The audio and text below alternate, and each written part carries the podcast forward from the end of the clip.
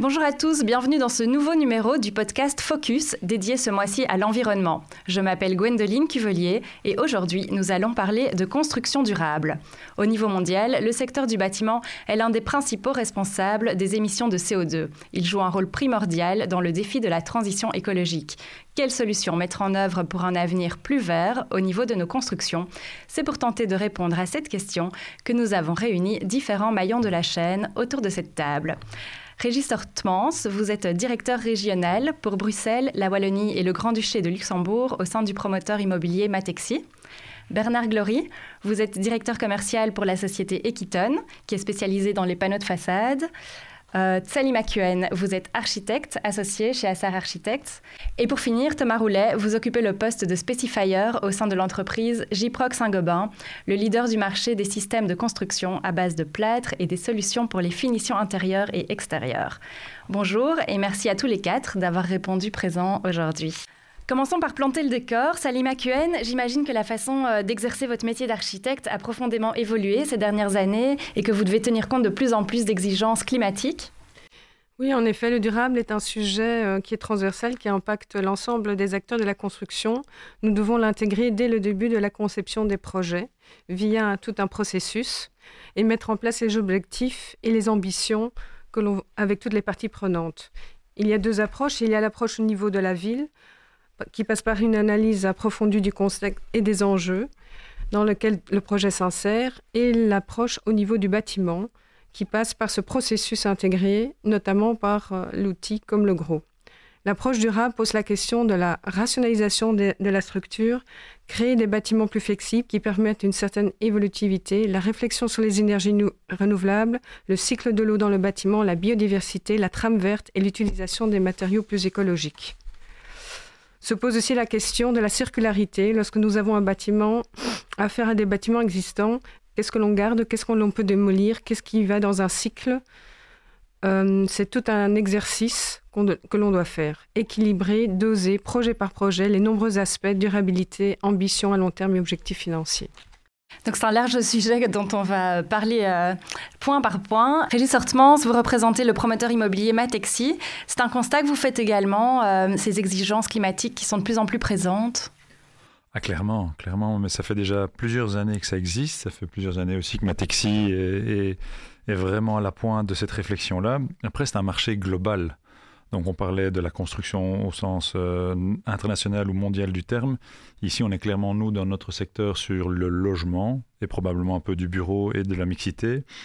Mais déjà, depuis de nombreuses années, il y a toute une série de réglementations qui se sont renforcées pour toute une série de, maillons de la chaîne. Et donc oui, on le constate de plus en plus et on le constate même euh, au niveau du financement du logement ce qui n'était pas le cas précédemment. Et aujourd'hui, une banque va probablement plus facilement accepter un prêt hypothécaire pour une maison qui a toute une série de critères de durabilité que ce n'était pas le cas précédemment. Et au sein de Matexi, quelles sont euh, les clés que vous mettez en place pour euh, justement répondre à cette demande? Alors, il y en a plusieurs. Nous avons défini en interne une matrice de durabilité. Donc, il faut savoir que suivant la zone géographique où nous opérons, on va avoir la région flamande qui a une autre réglementation, la, région bruxelloise encore une autre, et la région wallonne une dernière réglementation. Et donc au-delà de ça, nous, nous avons défini en interne une propre matrice de durabilité où nous tenons compte, on a parlé de la trame bleue, donc la gestion de l'eau, la trame verte, tout ce qui est biodiversité, gestion des arbres, gestion des jardins, des parcs, probablement aussi communautarisés, mais aussi de l'isolation et de l'étanchéité du bâtiment. Il y a un motto, entre guillemets, en interne qui est aussi People, Planet, Profit. Et donc, on met vraiment la planète et euh, l'humain, je dirais, au centre du débat, avant toute notion de rentabilité ou, de notion financière.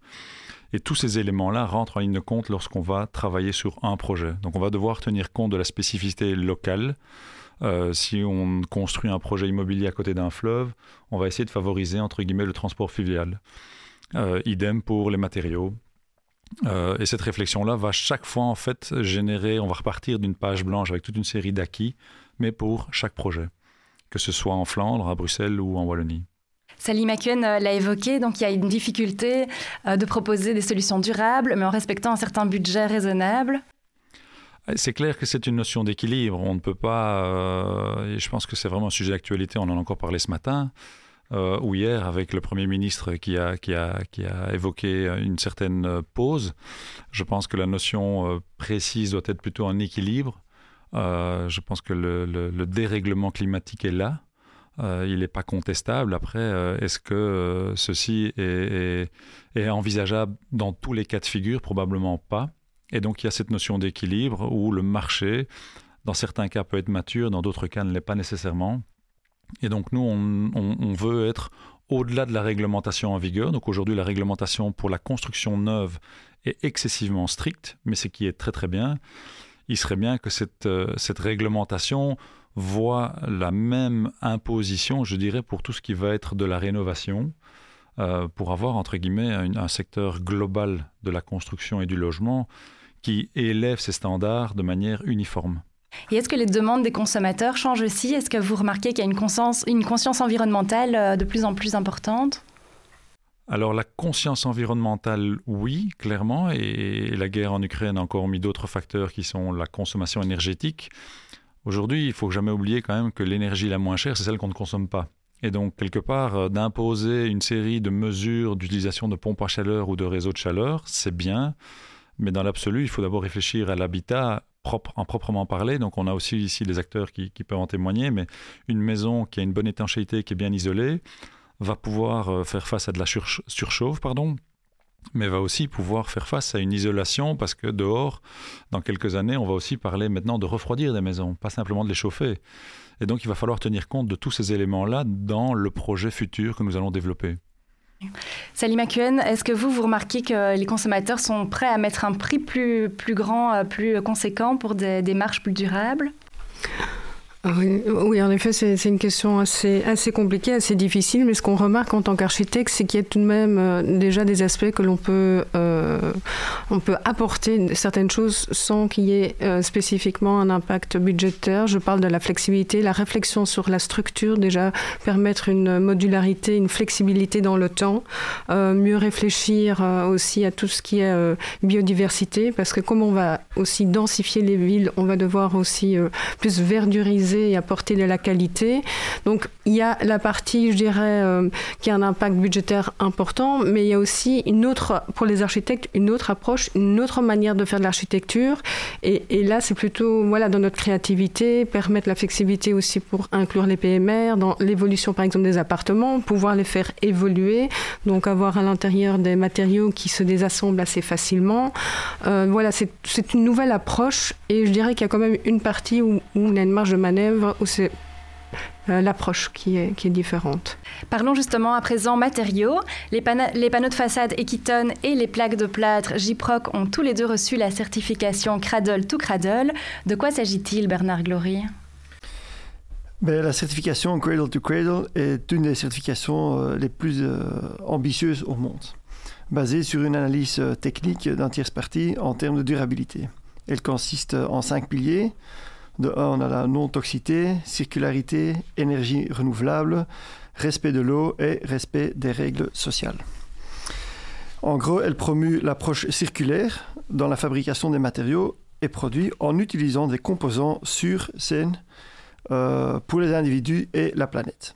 Et ceci euh, en manufacturant euh, de manière responsable et avec une conception favorisant l'économie circulaire. Elle se différencie euh, d'autres certifications euh, disponibles sur le marché par son approche de nature holistique, euh, bien plus qu'uniquement l'économie circulaire. Et pourquoi est-ce si important aujourd'hui d'obtenir de ce genre de label durable? Ben, il y a environ maintenant trois ans que nous avons inclus la durabilité comme un des axes stratégiques au sein de, de l'entreprise. L'importance d'un label comme celui du Cradle to Cradle, c'est assez évident. Euh, il est reconnu comme le standard en, fait, euh, en termes de durabilité des produits dans l'industrie du bâtiment. Et en plus, cette certification permet aux architectes de savoir immédiatement qu'un matériau répond en fait euh, à certains des critères les plus rigoureux au monde.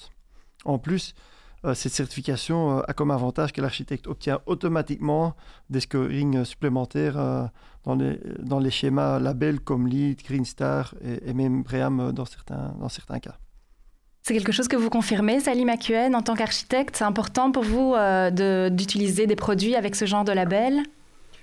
Oui, bien sûr, c'est important, mais comme le durable, on, l'a bien expliqué, est quelque chose de transversal et qui a plusieurs critères, c'est un des critères. On ne peut pas mettre les critères maximum sur tous les aspects. Donc, comme je disais, ce sont des objectifs à mettre en place avec toutes les parties prenantes en tout début de projet, ou mettre l'énergie sur quoi est-ce qu'on va accentuer, qu'est-ce qui fait du sens pour le projet.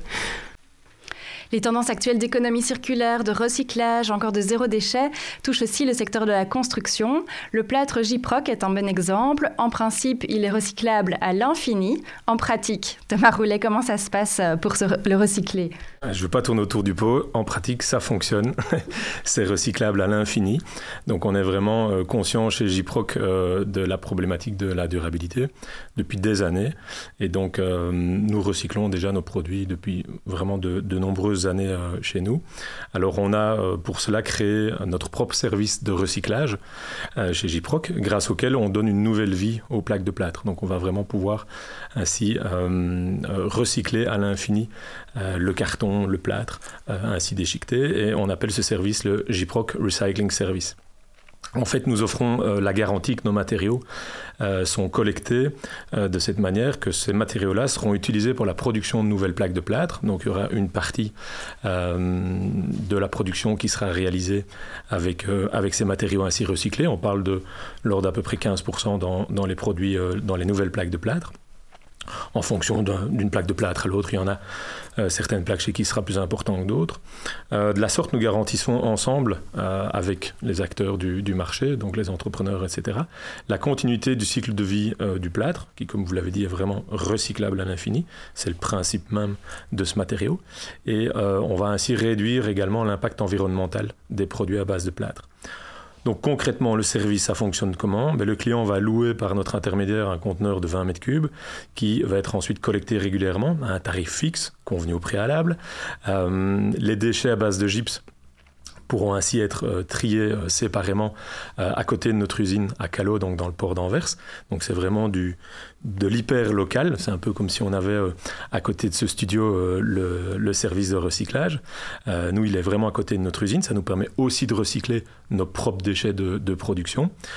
comme je dis toujours à certains clients, pour, pour aussi, je vais dire, ne pas toujours être trop sérieux, mais c'est un peu comme les crêpes on rate toujours les premières.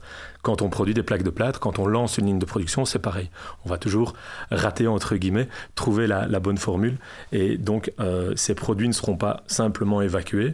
Ils vont être redirigés vers notre usine de, recyclage pardon, et vont être réintroduits dans nos matières premières qui seront ainsi mélangées à du gypse, entre guillemets, neuf et du gypse recyclé. Donc euh, ensuite, ce conteneur va être changé au moins tous les trois mois ou collecté sur demande. Ça peut être un, conteneur qui peut être placé sur un chantier de rénovation, euh, comme, on, comme, on, en parlait tout à l'heure. On va ainsi pouvoir démonter des cloisons existantes, récupérer les plaques de plâtre et les retraiter. Ça peut être aussi des clients euh, type poseurs, plaquistes, qui ont l'habitude de faire des projets au quotidien et qui vont remplir de manière régulière leurs conteneurs à base de leurs propres déchets de réalisation de cloisons ou de faux plafonds. Et, ainsi, on va collecter l'ensemble de, ces déchets de, plaques de plâtre et, euh, ramener tout ça euh, via un transporteur indépendant à notre usine de, recyclage. On charge du traitement du matériel, on charge finalement de tout. C'est pas plus simple que ça. Et est-ce que les consommateurs sont partants? Est-ce qu'ils sont nombreux à faire cet effort de faire venir un container euh, pour récupérer les chutes sur les chantiers? Oui, tout à fait. on, a, on, a, pas mal d'acteurs à travers l'ensemble du pays qui sont soucieux justement d'avoir leur propre euh, intervention, d'avoir leur propre impact sur une meilleure qualité de, l'environnement. Et donc, ils font appel euh, à notre service. Alors, euh, comme je l'ai dit tout à l'heure, ça peut être euh, du côté, euh, je pense, un, client du côté de Ciné qui, fait, euh, qui nous fait confiance depuis déjà des années et qui va, lui, au quotidien, remplir ses équipes, vont, ramener les déchets tous les, tous les jours en fin de journée et remplir le conteneur. Et tous les mois, tous les deux mois, on va lui changer son conteneur. Ça peut être un autre client du côté d'Anvers qui va réaliser un immense projet, qui doit d'abord démonter l'ensemble des, du bâtiment qui sont des, bureaux. Il, il, a dû d'abord tout démonter, tout mettre dans les conteneurs et ensuite travailler avec nos produits, euh, nos nouvelles plaques de plâtre pour pouvoir reconstruire de nouveaux bureaux dans ce même bâtiment. Et pour réduire les, déchets un maximum, vous développez aussi d'autres solutions. Vous pouvez nous en parler? Oui. Euh, en effet, on a, euh, c'est un peu dans les gènes de, de JPROC et, plus particulièrement du groupe auquel on appartient, le groupe Saint-Gobain. En fait, euh, on a toujours voulu être pionnier en termes d'innovation. Et donc pour ça, on vient récemment de créer deux innovations justement. D'une part un service, d'autre part une gamme de produits. Alors euh, premièrement le service, on parle d'un service de package sur mesure. Alors qu'est-ce que c'est? Donc on est toujours dans le secteur de la plaque de plâtre hein, chez Jiproc, on est bien d'accord. Plutôt que de recevoir des plaques à une, dimension X et de voir les, les ajuster pardon, sur chantier, eh bien ce service de package sur mesure, en fonction des niveaux euh, du sur mesure, on va pouvoir faire livrer sur le chantier les plaques directement à bonne dimension. Je pense toujours à euh, un, bâtiment de plusieurs étages avec des plateaux où évidemment la hauteur sera euh, identique sur chaque plateau, eh bien on va pouvoir livrer des packages sur mesure avec des plaques qui seront euh, déjà prédécoupés à la bonne hauteur, des profilés metal stud qui seront découpés à la bonne hauteur. On peut aller même plus loin avec euh, un, niveau de sur-mesure très poussé, avec carrément, pourquoi pas, les emplacements pour les prises, pour les blochers, pour les interrupteurs, etc. Le type de plaque aussi, selon qu'elle soit résistante au choc, à l'humidité, qu'elle soit acoustique, résistante au feu, etc. etc. Tout ça est euh, mis en place par notre service Saint-Gobain Solution et est bien étudié. Deuxième innovation, euh, j'ai parlé d'une gamme de produits euh, et jusqu'ici j'ai parlé principalement durabilité avec le principe de recyclage ou le principe, comme vous le disiez tout à l'heure, de faire moins de déchets. Le déchet qui n'existe pas n'est pas à traiter, on est bien d'accord. Ici, on innove non pas dans la durabilité, mais un step plus loin, on va dans la circularité avec une gamme de produits qui s'appelle Jiproc Looped et qui est une gamme de produits, euh, pour l'instant de deux produits, une bande d'armature d'une part et un produit de jointoiement d'autre part. Cette gamme de produits va permettre de pouvoir démonter des cloisons existantes à base de plaques de plâtre, contrairement à ce qu'on a l'habitude de faire jusqu'ici, à savoir qu'une fois qu'une cloison ou un faux plafond était réalisé en plaque de plâtre, le jour où on doit, entre guillemets, le démonter, ben, il fallait le détruire, excusez-moi le terme, et recycler, comme on l'a dit jusqu'ici, enfin comme je l'ai dit jusqu'ici, les matériaux ainsi euh, démontés. Avec cette nouvelle gamme J-Proclooped, on va pouvoir démonter proprement les matériaux et ainsi récupérer les plaques dans leur entièreté, récupérer les profilés dans leur entièreté et remettre en œuvre ces matériaux. Donc on va être dans un système de circularité vraiment avec de la redistribution, de la réutilisation. Donc on est vraiment dans le reuse euh, au niveau euh, produit. Donc voilà, l'innovation vraiment dans les gènes du groupe et évidemment de JProc. Du côté d'Equiton, euh, vous avez aussi mis euh, pas mal de solutions en place pour atteindre des objectifs de plus en plus durables. Expliquez-nous. Oui, tout d'abord, euh, en gros, la, meilleure façon de réduire les déchets, on l'a déjà dit plusieurs fois, c'est d'utiliser le moins possible de produits. Et le fibre ciment, qui forme la base de, de, nos produits, possède des caractéristiques intéressantes. Premièrement, nous utilisons relativement peu de matière pour ensuite avoir un produit fini qui offre une protection maximale. Secondo, euh, nos panneaux euh, ont une durée de vie importante, parfois même plus longue euh, que la durée de vie du bâtiment en question. Et pour terminer, si on rajoute à ça l'aspect modulaire de nos produits, ben on obtient un cocktail hyper intéressant. Aux Pays-Bas, par exemple, nous avons eu un chantier où nous avons, pardon, su récupérer 15 000 m2 de panneaux pour ensuite les réutiliser après leur rénovation sur le même site c'était une expérience euh, hyper intéressante dans laquelle euh, euh, nous avons appris pas mal de choses. Donc on le comprend, l'habitat de demain sera visiblement recyclable, voire modulable. Régis Hortmans, est-ce que vous remarquez cette tendance au sein de Matexi? Alors oui, oui, oui, on, la constate et effectivement, nous, on, a souvent quelques années en avance par rapport à, à la réalisation concrète d'un projet immobilier. Je m'explique. Euh, lorsqu'on acquiert un terrain et qu'on va le développer, qu'on va déposer un permis, qu'on a travaillé avec les instances euh, publiques, que ce soit communales ou régionales, on va alors euh, réfléchir à l'habitat de dans 3-4 ans. Et donc on doit tenir compte aussi des réglementations européennes dont on sait qu'elles arrivent, peut-être pas toujours nécessairement à l'instant T, mais donc on réfléchit de plus en plus à, toute une série de solutions pour demain. Euh, le meilleur exemple, c'est qu'il y a quelques années, euh, beaucoup de communes, et encore quelques communes le font, imposaient par exemple, deux véhicules par logement, alors qu'il y a une réflexion de, mobilité générale qui s'impose aujourd'hui. Et donc, quelque part, quand on va revoir cette commune et qu'on dit, tiens, sur un projet euh, que nous avons fait il y a quelques années et que nous recommençons un nouveau projet sur cette même commune, sommes-nous toujours à euh, deux emplacements de parking par logement? Et donc, on doit aussi, entre guillemets, éveiller certaines consciences, mais euh, la notion, par exemple, d'un parking souterrain, demain, c'est quoi son avenir? Si dans 15 ans ou dans 10 ans, il n'y a plus de véhicules, où on travaille avec des véhicules partagés, où on a, entre guillemets, des trams, des trains et des bus qui ont une meilleure disponibilité, il faut déjà penser à cela. Euh, pareil pour les, je dirais une réflexion de l'habitat intergénérationnel. Euh, souvent, on est lié pas nécessairement à une maison, mais à un lieu, à, un endroit où on est né, où on a vécu, et, c'est bien de se retrouver parce qu'il y a toute une série de, de, souvenirs qui sont là. Donc, c'est bien aussi de pouvoir tenir compte de, de toutes les générations. Et euh, bah, certaines études ont déjà montré, par exemple, si on prend sur les 40 dernières années, euh, la surface de jeu d'un enfant d'il y a 40 ans, aujourd'hui, elle a diminué de 90%. Donc si euh, certains d'entre nous ont, plus de 40 ans et ont vécu avec des jardins et euh, cet espace, en fait, aujourd'hui, pour ce même enfant au même endroit, d'une manière générale, aurait réduit de 90%. Et donc, en fait, il n'y a pas simplement l'habitat, mais c'est la notion d'aujourd'hui de l'identité propre du logement et du, quartier que nous allons créer. C'est pour ça qu'on est un développeur de quartier. C'est, entre guillemets, d'intégrer toutes ces données-là et de, de déjà réfléchir à dans 10 ans. Salima Kuen, vous, remarquez aussi cette euh, importance de réfléchir à long terme? Oui, bien sûr, et ça passe aussi par euh, construire de manière euh, plus robuste nos bâtiments, de manière à ce que les fonctions intérieures peuvent évoluer. Donc on peut passer voilà, du bureau, du logement, changer les fonctions intérieures, faire évoluer aussi facilement les façades.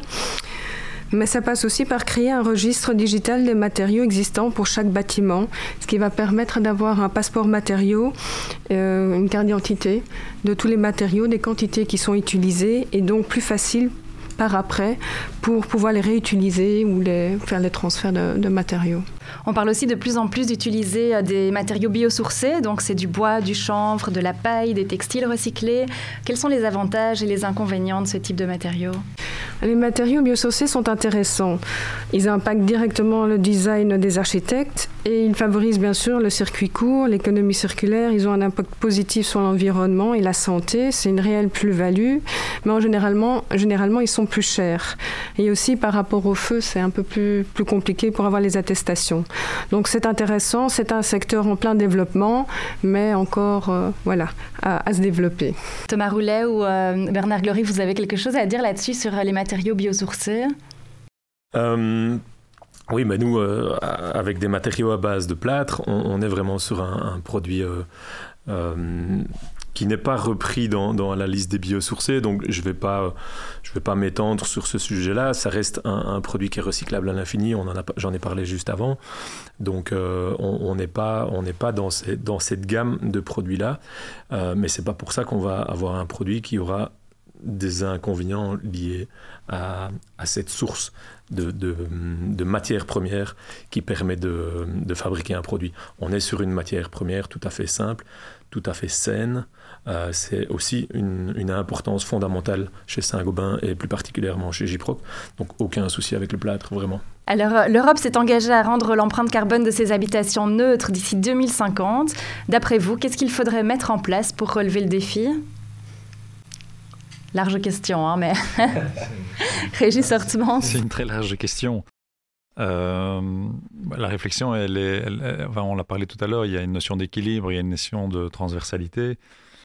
Euh, nous, évidemment, on est dans un secteur particulier, c'est-à-dire qu'on construit du neuf. Si on prend euh, la Belgique aujourd'hui, on peut considérer que, je pense à peu de choses près, c'est 80% du bâti existant est, antérieur aux années 80, aux années 90. Et donc, quand les premières réflexions PEB sont arrivées, on est fin des années 90, début 2000, mais vraiment tout début. Et donc, ça veut dire qu'il y a 80% de notre parc immobilier qui ne répond pas aux critères d'aujourd'hui et aujourd'hui vous construisez une maison, voire même, je vais, je vais même aller plus loin, je, vais prendre un permis qui a été octroyé en 2018-2019, vous voulez exécuter cette maison et reprendre les critères de 2022 ou 2023, la maison, elle est déjà trop vieille. Et donc, quelque part, la réflexion euh, que, que, que, je pourrais voir euh, dans le secteur qui nous concerne, c'est d'avoir une uniformité ou une standardisation sur une réflexion globale de l'habitat.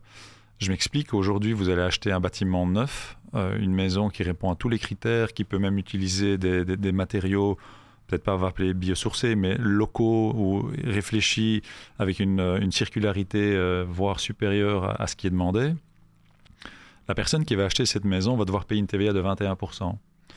Et donc, économiquement parlant, demain, il sera peut-être plus simple pour euh, une personne lambda d'acheter une maison à rénover qui va coûter moins cher à l'achat et rénover simplement euh, certaines petites choses à l'intérieur qui, elle, va payer une TVA de 6%. Est-ce que d'une manière locale, la personne a fait un bon choix? Probablement pour lui, enfin pour lui ou pour elle, oui. Si on parle au niveau global, bah, il faut pousser la réflexion pour moi beaucoup plus loin. À un moment donné, c'est pas un individu qui doit faire la différence, c'est une, une, démarche globale. Donc effectivement, il y a des règles qui doivent certainement être adaptées. On doit réfléchir en tenant compte de la mobilité, parce qu'une empreinte carbone, c'est aussi... Euh, il y a des années, on, acceptait, c'est pour ça que le stop béton est arrivé, mais on acceptait des constructions de maisons quatre façades hors ville, dans un périmètre ou une agglomération un petit peu en deçà de la ville mais ça nécessitait deux voitures. Ça nécessitait, pour, euh, pour les enfants, pour aller à l'école, euh, soit le, les conduire en voiture, soit espérer d'avoir un bus pour les sports, etc. Donc, à chaque fois, en fait, la réflexion doit, doit être euh, beaucoup plus, plus large que celle existante aujourd'hui. Et là, on a besoin d'une réglementation forte au niveau politique. Je me permets un exemple. Aujourd'hui, s'il n'y avait pas d'incitants fiscaux pour une voiture électrique, je ne suis pas convaincu que euh, autant de monde achèterait des véhicules électriques. Donc il y a quelque part, il y a eu un push avec une règle, une, favorisation entre guillemets d'une démarche pour le bien-être de la société et dans la durabilité, mais qui à un moment donné est initiée par un pouvoir. Donc il faudrait initier les gens à faire table rase des constructions neuves au lieu de rénover plutôt l'inverse, mais euh, de faire table rase des. Pour des, faire, des, oui, oui, pour, oui, faire, des constructions neuves. Ben, oui, je prêche pour ma paroisse en même temps, mais c'est pas tout à fait, euh, c'est pas tout à fait faux. C'est-à-dire que dans certains cas de figure, il y a la culture, il y a le patrimoine, il faut certainement pas toucher à ça. Donc il y a des bâtiments aujourd'hui qu'il faut conserver parce que c'est c'est une signature, c'est un souvenir, c'est une culture qui est là. Euh, mais de temps en temps, on doit se battre aussi euh, avec, euh, avec des pouvoirs locaux qui, qui, entre guillemets, souhaiteraient simplement rénover. Et je pense que dans certains cas de figure, on doit pouvoir faire le, switch entre ce qu'il faut conserver, ce qu'il faut démolir pour reconstruire correctement, avec toute une série de, de, de, de, réflexions qui n'existaient pas au préalable. Ok. Bernard Glory, vous, ce serait quoi la solution miracle? Mais quand on parle d'empreinte de, carbone, nous, euh, en tant que producteurs de matériaux, notre plus gros défi, euh, euh, c'est l'empreinte CO2 du ciment. Et pour ceci, nous travaillons ensemble avec les plus gros fournisseurs de ciment. Et on fait partie, au fait, de ce qu'on appelle la First Movers Coalition du Forum économique mondial. Et ceci, ça nous permet vraiment de, travailler et de collaborer avec les, chercheurs les plus avancés euh, pour obtenir euh, des alternatives au ciment euh, qui peuvent vraiment, qui ont un co comportement similaire au ciment, mais qui peuvent être une alternative. Et Sally McEwen, qu'est-ce que vous en pensez? Oui, pour moi, il y a deux facteurs. Il y a le facteur euh, réglementaire, les réglementations qui, nous poussent, les visions des villes, comment les villes mettent en place aussi des ambitions climatiques qui vont porter et drainer tous les projets pour qu'on rentre dans, ces visions et l'aspect bien sûr financier euh, au, niveau, au niveau bancaire et au niveau des taxations euh, voilà pour moi ce sont les deux, les deux leviers qui peuvent, euh, qui peuvent impacter. Surtout lorsqu'on parle de, rénovation la, question comme je disais au début d'un site lorsqu'on a auparavant lorsqu'on avait un site avec des anciens bâtiments ben, généralement on démolissait on reconstruisait. Maintenant il y a une vraie réflexion qu'est-ce qu'on garde qu'est-ce qui vaut la peine d'être regardé, qu'est-ce qui peut être réutilisé sur les sites, qu'est-ce qui peut aller dans une filière? Et donc, il y a tout à fait une approche différente qui est en train de se mettre en place. Évidemment, il y a toujours cet équilibre budgétaire à avoir euh, dans la ligne de mire. mais les, comment dire, la ville nous pousse vraiment à aller vers dans cette direction. Donc on sent vraiment des pouvoirs publics l'ambition de, pour Bruxelles d'aller vers la durabilité et il y a une vision qui est claire et, qui est là et qui est un, challenge à relever, je pense. D'accord. Et Sandra Matexi, qu'est-ce que vous en pensez? Euh, là, la réflexion est, tout à fait la, même que, mes compagnons de table, mais je, mettrai l'accent sur l'urbanisation. Donc en fait, aujourd'hui, choisir un projet immobilier, choisir une construction, neuve ou à rénover, doit tenir compte des éléments de mobilité, de densité, de mixité, mixité de logement, mais aussi mixité de services à proposer, euh, pour éviter par exemple l'utilisation de la voiture pour ne pas devoir aller très loin pour faire ses courses parce qu'elles sont à disposition, que ce soit la crèche, que ce soit l'école, que ce soit le sport. Euh, et aussi sur l'accessibilité du logement, euh, du logement en tant que tel en termes d'âge, en termes d'handicap, de, et aussi l'accessibilité euh, économique du logement, parce qu'aujourd'hui, ben, la réflexion, elle doit être beaucoup plus générale que simplement de se dire la construction ou le logement. C'est un ensemble global et qui demain va, va pouvoir générer beaucoup plus d'avantages que, que simplement ce qu'on a actuellement.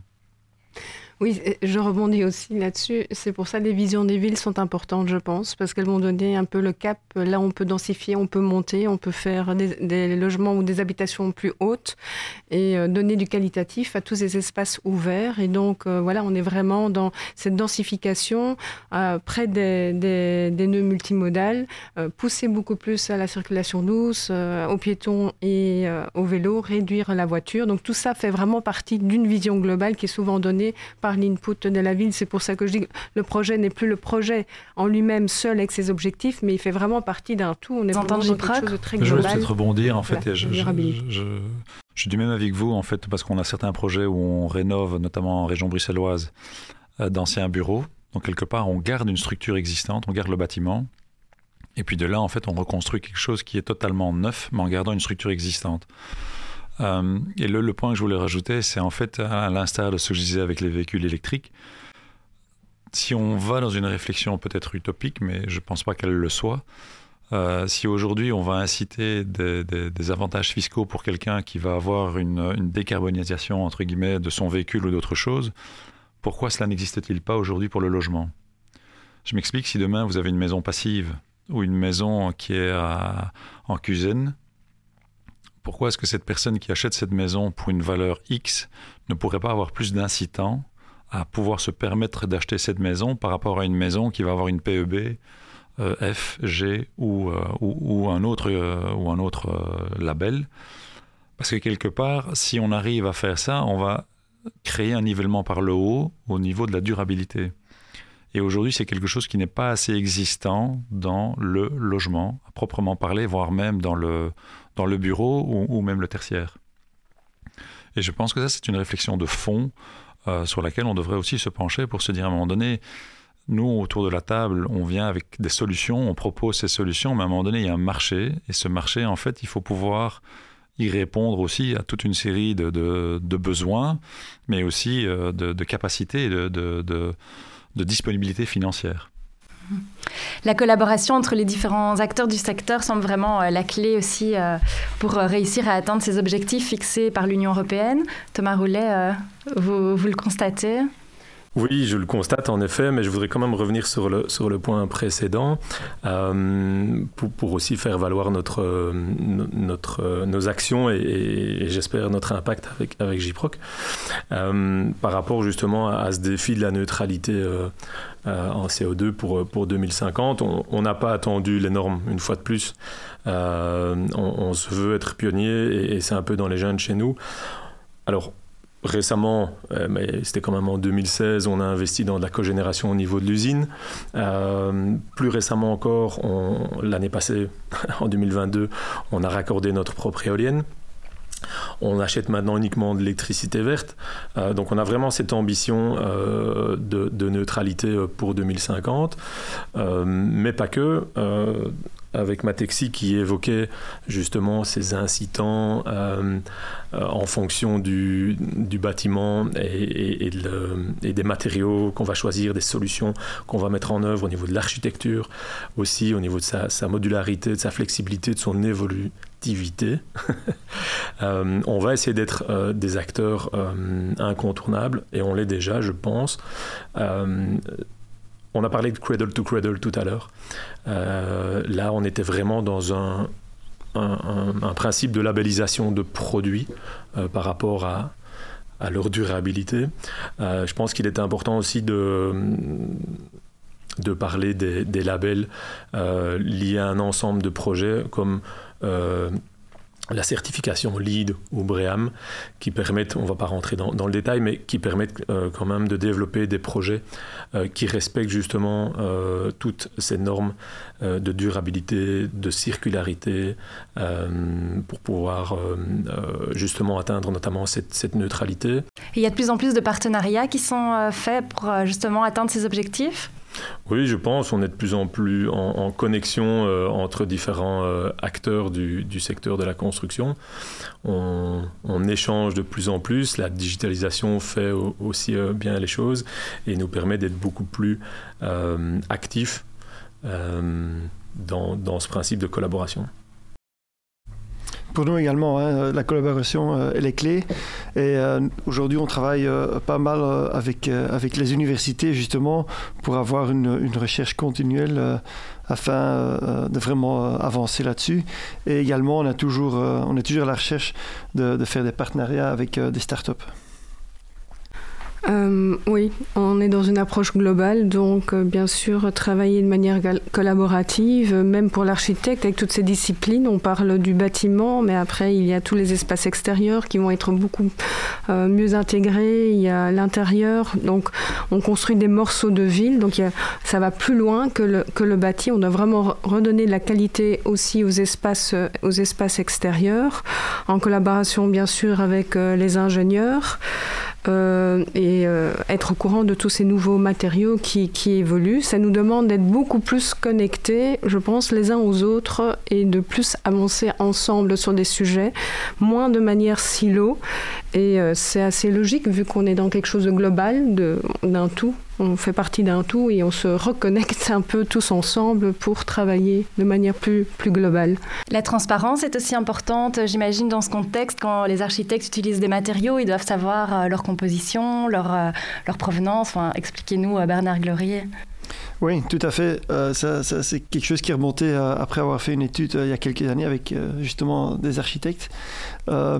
c'est pas c'est pas évident hein, le défi de la durabilité. Euh, et, donc, euh, chapeau pour euh, les architectes qui ont quand même beaucoup de choses à, combiner. Et lors de, l'étude qu'on avait faite, ils avaient, ils avaient ils avaient exprimé vraiment l'espérance vis-à-vis des producteurs que, que nous, on, on, vienne avec des informations objectives et claires. Et que c'est important de vraiment qu'on soit factuel, objectif, pour qu'ensuite vous puissiez euh, faire, le puzzle euh, dans, vos créations. Chez JPROC aussi, j'imagine, il y a une grande transparence pour, euh, au service des architectes. Oui, oui, tout à fait. depuis de nombreuses années, on a parlé évidemment de Donc tout ça est, clairement identifié lorsqu'un produit est cradle to cradle ou des choses comme ça. Ça, me fait rebondir peut-être sur les, les, principes de déclaration EPD, e donc environnemental product déclaration. Je le dis en français pour pour pas pour pas déformer le, terme.